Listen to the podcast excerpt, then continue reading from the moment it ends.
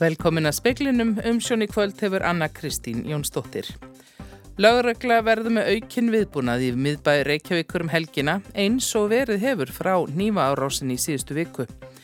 Starfsfólki hérastóms Reykjavíkur er ekki rótt þegar að fæst við alvarlega ofbeldismál vegna þess að öryggismál í domstólum eru ekki í lægi að mati domstjóra.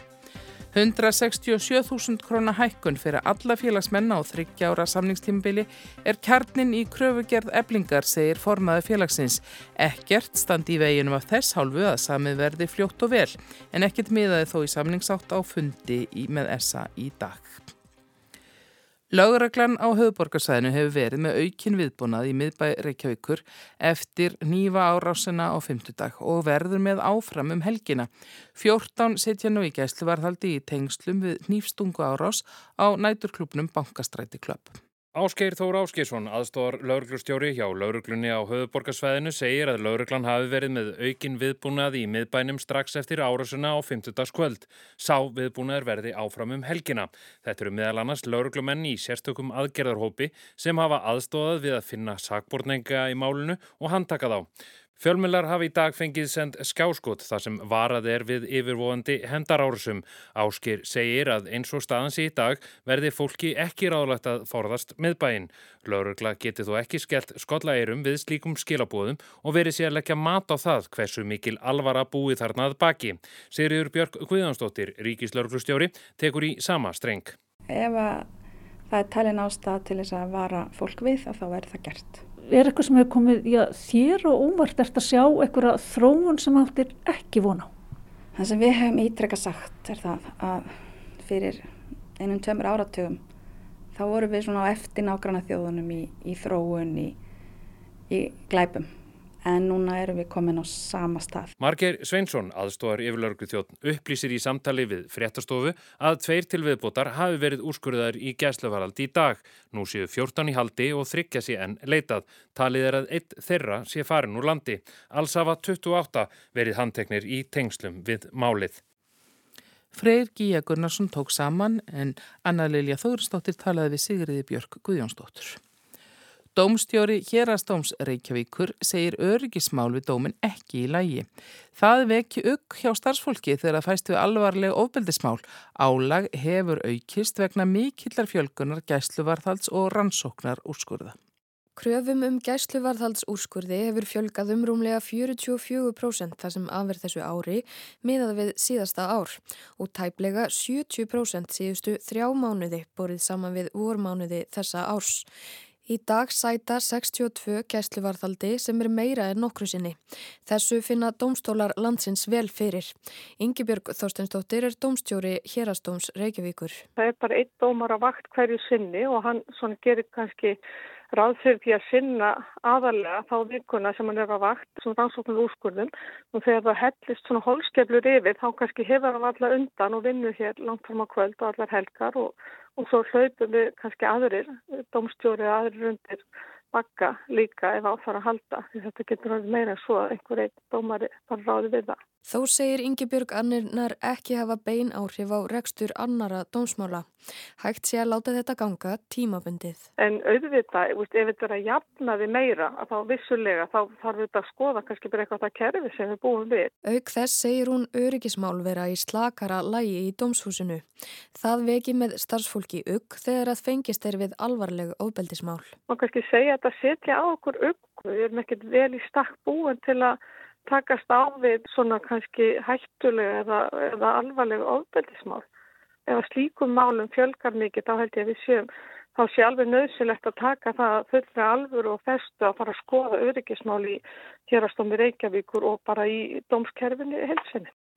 Saði Ingi Björg Þorsteinsdóttir, Hafdís Helga Helgadóttir talaði við hana. Þriðja samningafundi eblingar og samtaka aðtunlífsins í núverandi samningalótu lauk á fymta tímanum hjá Ríkisáttasamjara. Samninganemnd eblingar er afar fjölmenn og var það einn ástæðin fyrir því að fundurinn var haldinn þar. Því miður uh, var þessi fundur núna ekki, okkur miður ekki áfram. Um, við auðvitað viljum ná árangri. Uh, við mætum um, í þessar viðræður um, fulla viljunum til þess að reyna að um, ganga frá góðum kjærasamningi hratt og öruglega við skulum sjá hverju framvindur, við skulum sjá hvernig gengur í næstu viku. Saði Solveig Anna Jónsdóttir og við talvið hana verður síðar í speklinum. Sanna Marín, fórsættisráþra Finnlands, þakkaði íslenskum stjórnmöldum í dag fyrir greinilegan stuðning við umsókn Finna og Svíja að Allandsafsbandalæginu í kjölfar innrásar rúsa í Ukrænu. And I also want to thank you for the very swift and quick ratification of our NATO membership bid together with Sweden. I think it's very important that Finland and Sweden would enter NATO uh, full members as soon as possible. It would be the benefit all Og Marín sagði á fundi með Katrínu Jakobsdóttur fórsættisráþara að ynganga finna og svíja væri öllu allansafsbandalæginu til góða. Hún er hér í vinnu heimsóknu og mál þingi með Katrínu í hátæginu talaði Marín meðal annars um áhrif innrásar rúsa fyrir finna saði líkilega að triða Úkræna vinni stríðið. Annars væri hætt við að rússar heldu áfram í vonum frekari landvinninga. Hjón á sjötugsaldri voru handtekinn í Svíþjóði morgun grunuðum stórfældar njóstnir. Talið er að þau hafi stunda þær í ára tug og eru þau sögð hafa hitt erlenda flugumenn.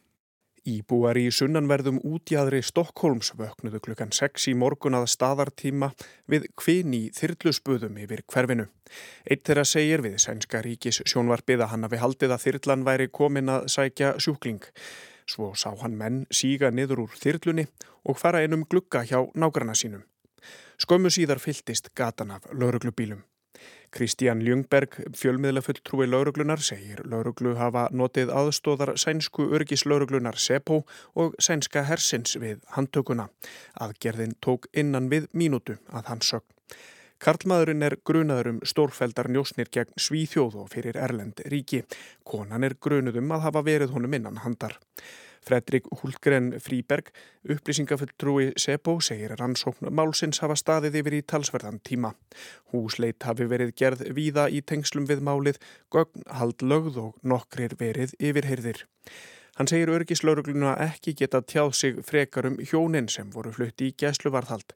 Þá getur Sebo heldur ekki greint frá því hvaða ríki hjónin tengjast. Máli tengjast engu öðru máli sem örgislauruglan er með til rannsóknar. Róbert Jóhansson saði frá.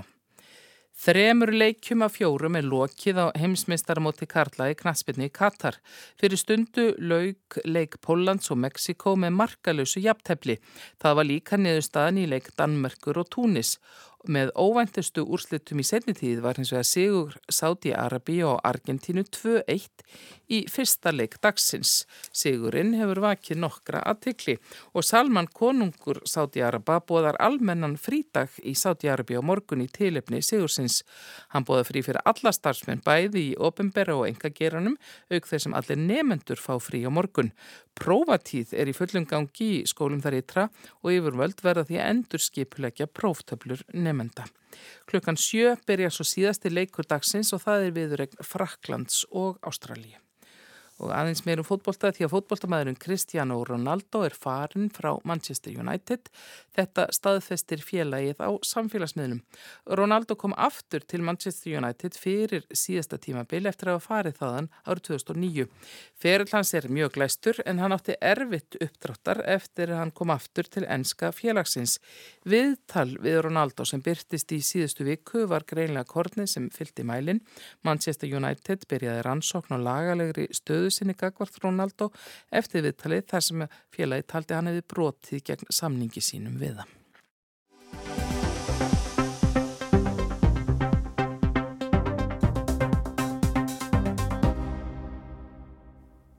Um þrjár vikur eru síðan kjærasamningar all flestra á almennum vinnumarkaður og nút. Stórir hópar félaga verslunarmanna og í starfsgreinasambandinu hafa þegar vísað viðræðum til ríkisáttasemira. Eftir fyrsta fund þeirra með samtökum atvinnuleifsins í gær var ákveða menn tjái sig ekki að sinni við fjölmiðla. En ebling kaus að semja við sér og hún átti sinn þriðja fund með þeim í dag. Fundurinn var haldin hjá Ríkisáttasemjara en þangað hefur viðræðunum ekki verið vísað formlega. Við rættum við Solveigu Önnu Jónsdóttur forman eblingar fyrir fund sem hún segir að kröfugerð félagsins sé hrein og bein. Þetta er stutt og einföld kröfugerð Við byggjum á mótili lífskjara samningsins sem að skilaði verka á lálunafólki góðum árangri. Kaupmáttur lagsleginasta fólksins hann ógs mest eh, frá árunum 2019 til 2022 áruna verðbólkan kom svo og byrjaði að naga allverulega í hann. Við fyrir fram á krónutöluhækkanir, við viljum þryggjára samning að hækkunin sé 167.000 á samningstímanum og það er okkar helsta og einbittasta krafa. Þar sittum við mest að púðrið. Krónutölu hækkun sé líka skinsamleg í því árferði sem ríkir.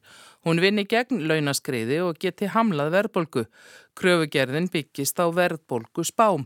Fari verðbolgan meirinn 1% fram úr þeim er gerð krafa um að launaliðu samningsins veri tekin upp og endur skoðaður. Solveig Anna sagði þegar rætt var við hann í dag áður en fundurinn hófst að enn hefði ekki fengist neinn raunveruleg viðbröð frá SA við kröfugerðinni þær fregnir sem að hafa borist innan úr þeim viðræðum sem að lengra eru komnar en okkar eru að þar sé verið að hugsa öðruvísi útverslu og þar sé mikill fókus á stittri samning, stuttansamning. Okkar samninganemnd, bara eftir að hafa leið mjög svona ídarlega yfir þessu öllu og unnið, vinnuna sína mjög vel og rækilega, komst að þeirri niðurstöðu að um, eitt af svona stóru hagsmunamálum eflingar félaga væri einhvers konar fyrirsjánleiki og stöðuleiki og þess vegna viljum við leggja áherslu á um, þryggjára samning. Það er þó tölvert steyttri samningur en lífskjara samningurinn var og þetta er bara í samræmi við, við vilja samningarnemdar og í samræmi líka við niðurstöðunar úr kjarakonun eblingar þar sem að emitt fjárhags áhyggjur eru mjög viðvarandi vandamál hjá mjög stórum hópi og fólk á auðvita betra skilið en það og fólk á það skilið um, að geta emitt séð aðeins fram í tíman, geta gert áallanir, geta hugsa með sér hvort það geti lift sér upp með börnunum sínum og svo framvegs.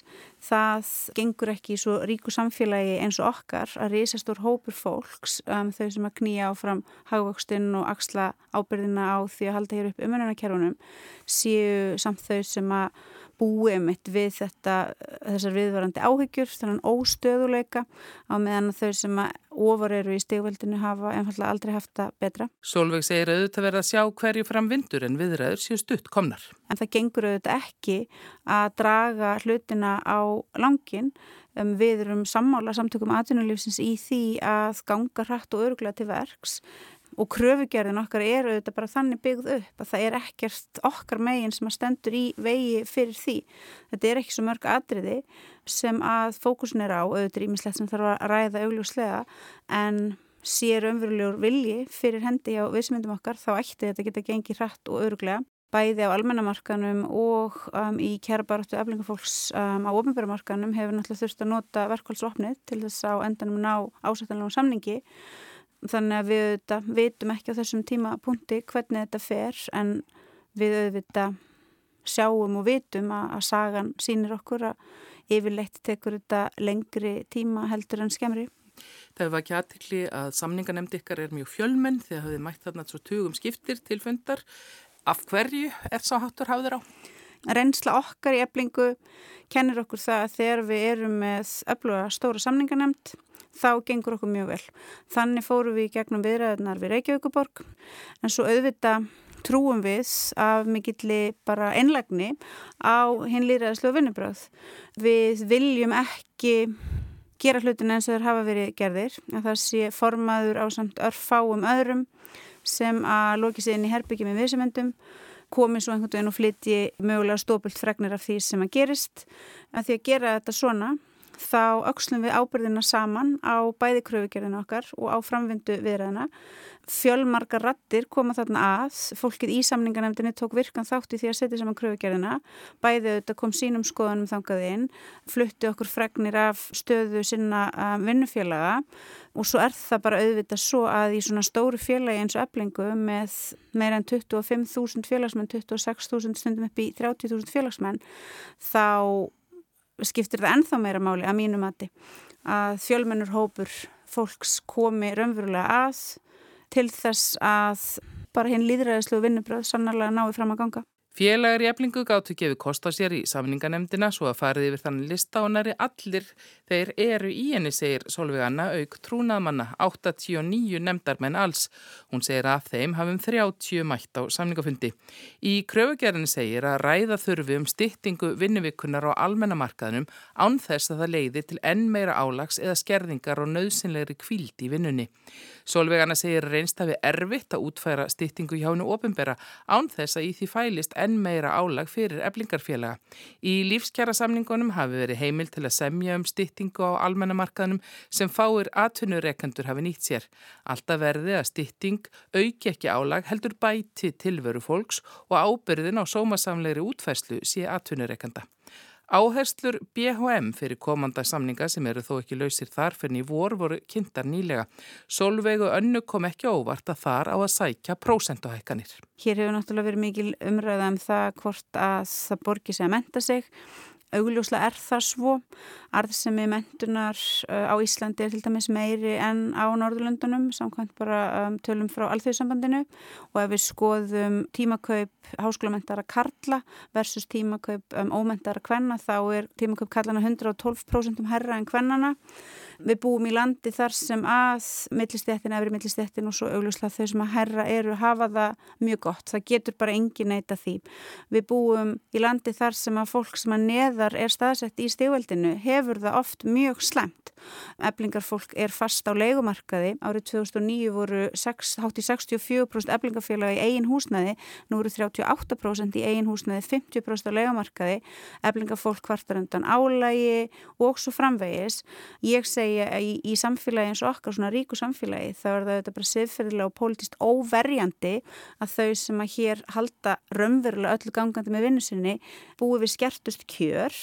Það er augljóst að hér borgar það sig að menta sig en það gerir fólk það í miklu mæli og það er jafn augljóst að efnaðsli tilvera vinnuaflsins er allt of slæm og ég bara trúi því af einlegni að við hljótum að geta séð að það er skilda okkar sem samfélags að lifta þeim upp sem verst hafa það og það er samfélaginu öllu til góða.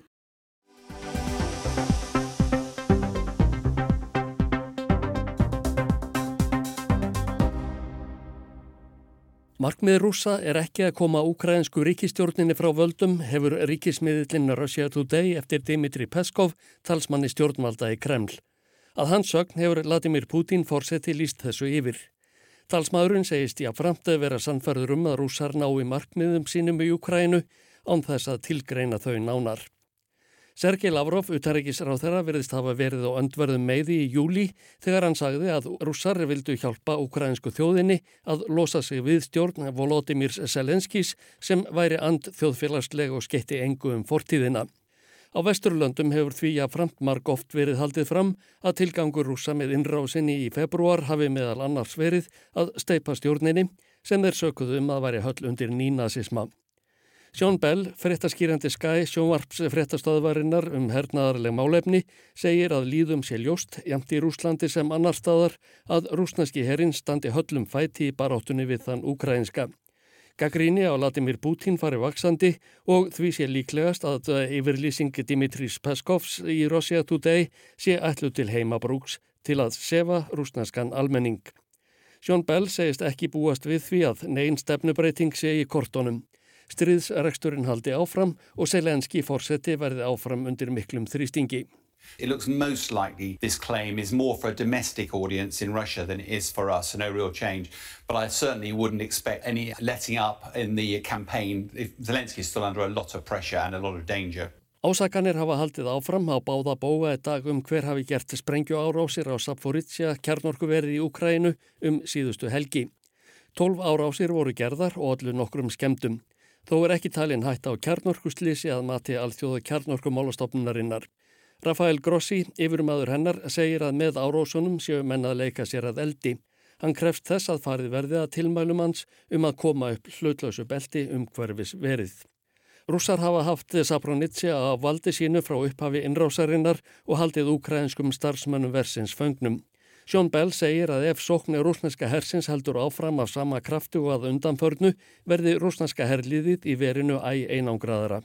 If the Ukrainian forces are successful with some of their counterattacks, the Zaporizhia will become increasingly isolated. The Russian forces there will become increasingly isolated. Bell segir að þá standi herliðið í kjarnorkuverinu frammi fyrir tveimur kostum að berjast eða hörfa. Verði fyrir kosturinn fyrir valinu séu afar hættulegir tímar framundan. And the challenge there is will they fight or withdraw? We're in for some very dangerous times ahead if they decide the former. Ukrainski fjölmiðillinni Kiev Independent hefur í dag eftir Volodymyr Kudrytski, yfirmanni ukrainska landsnetsins Ukr Energo, að russar hafi skemmt hvert einasta stóra varma og vatsorku veri í landinu. Skemdirnar segir hann að séu gríðarlegar.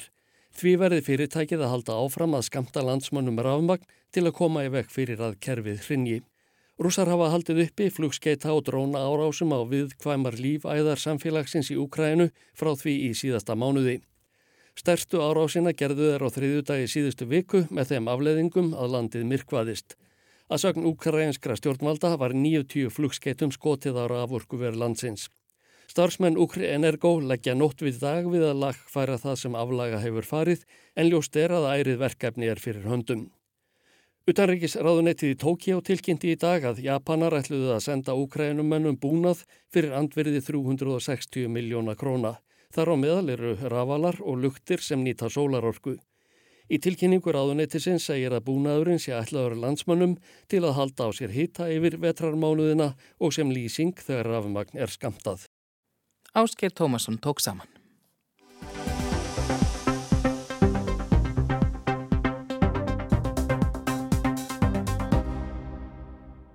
Hvernig á að brauðfæða þjóðina? Þessi spurning var alltum leikjandi í hörpu í dag á matvælaþingi sem haldi var í fyrsta sinn. Þar var rætt um drögað matvæla stefnu fyrir Ísland sem matvælar á þeirra ætlar að leggja fram með vorinu. Henni er ætlað að vera leiðar stefi í matvælaframneslu landsins og aðrar stefnur stjórnvalda í málafloknum miða við hana. Í draugunum eru lögð fram tíu atriðum framtíðar sín matvælaframneslu sem snúað full nýtingu afurða kólefnis hlutleysi, fæðuöryggi, rannsóknum og mentun. Speilin rætti við Svandísi Svavastóttur matvalar að þeirra. Matvala stefna er eiginlega stefna Íslands, bara okkar allra hér á Íslandi um það hvernig við viljum sjá matvæla framlegsla á Íslandi þróast og það hvernig við sem samfélag umgöngumst mat. Það er að segja ekki bara það hvernig við búum matinn til sem er landbúnaðavörurnar og, og fiskurinn og úr fiskeldinu heldur líka hvernig við sem samfélag eigum aðgangað góðum mat, hollum mat, örugum mat, hvernig dýrónum okkar líður og svo framvegist. Líka það hvernig við viljum menta fólk til þess að það geti lært að vinna í tengslu við mat og hvaða rannsóknir þurfa að fara fram, hvaða vísindi þurfum við að hafa á vald okkar og hvernig tækniframfæri þurfa að verða og hvernig nýsköpun þurfa að tilanga okkur. Þannig að þetta er í raun og veru allt frá því hvernig við búum matinn til og síðan hvernig við sjáum framtíðina fyrir okkur. Þetta eru margar spurningar. Hvert er svarið? Eh, eins og alltaf þegar spurningin er flókin þá er svari líka flókið. Það er ekki bara eitt svar við þessu og, og þess vegna setjum við matalastefnuna í nokkra kabla og kablanir eru um lofslagsmál, þeir eru um ringrásarhagkerfið, þeir eru um fæðuörgið en þeir eru líka um mentun, vísindi, rannsóknur og tækni. Þannig að þeir eru um margar hliðar á öllum þessum geirum til þess að þetta geti orðið eins og, já annarkort eins og kjallarinn í húsi sem við erum að byggja eða eins og reglífi yfir eitthvað sem við erum að sjá fyrir okkur vegna þess að á þessum grunni þarf svo að kvíla stefnur um sjáurútveg, um fiskeldi, um landbúnað og svo framvegist. Þannig að þetta er svona heildarsýnin okkar og svo uh, erum við með áherslur og stefnum við fyrir hverja grein fyrir sig. Hverju breytir þetta svona út frá því sem er núna við líði? Hverju, hverju erum við að fara að breyta? Þetta breytir því fyrst og fremst að ef við vitum öll hvert við erum að fara þá eru meiri líkur á því að við verðum samferða og, og að við séum samstilt í því í hvað átt við erum að fara. Fæðu kerfi og fæðu framleiðsla eru mjög stór losunar þáttur í loftslagsmálum. Þannig að það til dæmis að horfa til þess að öll kerfin okkar, öll matvælakerfin okkar séu metin og mælt út frá loftslagsmarkmiðum skiptir mjög miklu máli vegna þess að loftslægið má ekki bara vera einhver einn kapli í því sem við erum að gera heldur þurfum við að mæla og meta öll okkar kerfi með það. Þannig að það skiptir máli en aðalatriðið er það að við erum land sem höfum aðgangað vatni, orku, landi og við höfum sérsagt auðlindir til þess að halda áfram að vera í fórustu sem matvælu framleyslu land, hafa greiðan aðgang fólks að hollum og góðum mat og getum verið í fremstu rauði þessum efnum. Með örugan mat líka, það skiptir máli að, að maturinn sé þannig að hann sé heilnæmur og að við séum að umgangast eldistýr ef ef að það er málið að virðingu Við þurfum líka að horfa til þess að við getum aukið til þess matal, hérna, græmitisframlegslu og kortrækt og svo framvegs, þannig að þetta kemur inn á mjög marga þættir. Eftir sem áður þá framleiðum við ekki, við erum ekki sjálfum okkur nóg mörg, á mörgum suðum eins og til dæmis græmiti og við flytjum mikið inn á kortni og aðfengum til landbúnaðar. Er eitthvað í þessari stefnu sem að breytir þeirri mynd? Já, við, ef, bara, ef við tökum bara eitt dæmi og við erum að tala um uh, ringarásagakerfið, að nota meira þá það sem að verður aflögu þegar við erum búin að taka það úr vörunni sem að er kannski verð mest. Við erum vöna að tala um afgangin sem úrgang sem að einhvers konar bara niðurstöðu sem við þurfum að farga með einhverju móti. Ef við horfum á þennan úrgang og áttum okkur á því að það eru þarna eru lífrænir ferlar þarna eru verðmæti, þarna er nýtt hráefni setjum það aftur inn í hringrásina búum til fóður eða áburð eða aðra slíka þætti þá erum við að nýta í raun og veru ringrásina betur og verðum minna háð aðfengum, losum minna gróðursaláttegundum og aukum fæður ekki í landinu. Þannig að þetta er svona dæmi um það uh, með hvaða hætti þessi hugsun breytir. En stendur til að er það þinn ásendingur að breyta til dæmis styrkjakerfi í landbúnaði út, út frá þessari stefnu? Sko ég hef sagt það, við erum að fara núna inn í uh, endurskoðum búverusamninga næsta ári og búverusamningar er náttúrulega eitt af þessum stjórntækjum stjórnvalda, rétt eins og fiskviðistjórnakerfið er það líka og þar þurfum við að, að lifta lofslagsmálum og fæðuriki upp fyrir önnur markmið til þess að við séum að stýra fjármagninu eins mikið og hægt er í þá átt að við séum að ná þessum markmiðum þannig að já, það er eitt af því sem við munum skoða í þessu stóra samhengi að nýta þá kvata og þau stjórntæki sem við erum með í þá þeirra markmiða. Eitt þeirra sem flutti erindi á þinginu var Pete Ritchie um matvæla stefnu Skotlands. Þar í landi eru ýmsar óknir sem standa að matvælaframleyslu til að mynda það að eignarhald landbúnalands er á fára höndum. Um 400 manns eiga um helming landbúnalands í Skotlandi. Það kom líka fram í máli hans að mataræði skota er ekki næla heilnæmt.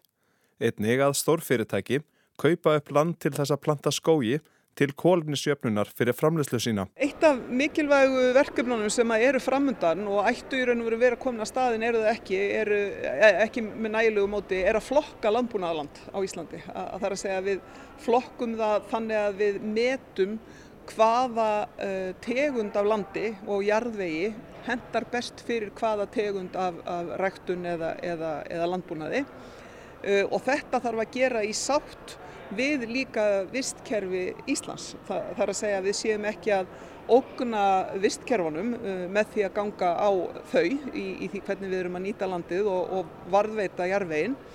Þannig að það, það auðvitað skiptir mjög miklu máli en líka það sem að þú ert að koma inn á og snertir ekki bara mitt ráðuniti, heldur líka fleiri ráðuniti þar sem við erum að tala um bara eignarhald á landi og með hvaða hætti eh, land síðan nýtist varsréttindi og svo framvegis þetta heyrir undir eh, ráðuniti innaðmála, fósittisráðuniti, fjármálráðuniti og svo framvegis og, og þarna höfum við verið að breyta lögjöf í þá veru að, að tryggja betur það að land fari ekki e, úr okkar umsjá í óhóflegum mæli.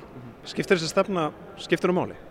Já, ég er ekki neinu vafað um það, hún skiptir máli vegna þess að það skiptir máli uh, bæði með það að við séum að nýta eins og vel og við getum bæði fólk og fjármagn, land, öðlindir og svo framvegis uh, í þá átt sem við höfum komið okkur saman um. Uh, og við erum að freysta þess að gera það þarna, við erum fá á Íslandi en við erum vel upplýst og vel mentuð Uh, og við eigum að nýta þessa einstaklega stöðu sem við erum með til þess að vera til fyrirmyndar.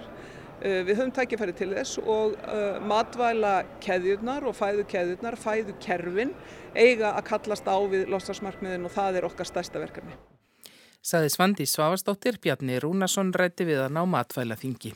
Veður horfur, hann kvessir í nótt, stormur í vindstrengjum á sunnanverðu landin á morgun, þurft vestanlands en skúrir eða jél austan til, hitti breytist lítið. Gular veðurviðvarnir eru gildi frá morgni fram á annað kvöld á Suðurlandi, Suðausturlandi og Miðhálendinu vegna norðaustan kvassviðris eða storms. Veðurstofan bendir á aðstæður geta verið varhugaverðar fyrir vekkfarendur, sérilagi aukutæki sem taka á sig mikinn vind. Fleiri ekki í speklinum í kvöld. Tæknumæður var Kormakur Marðarsson veriði sæl.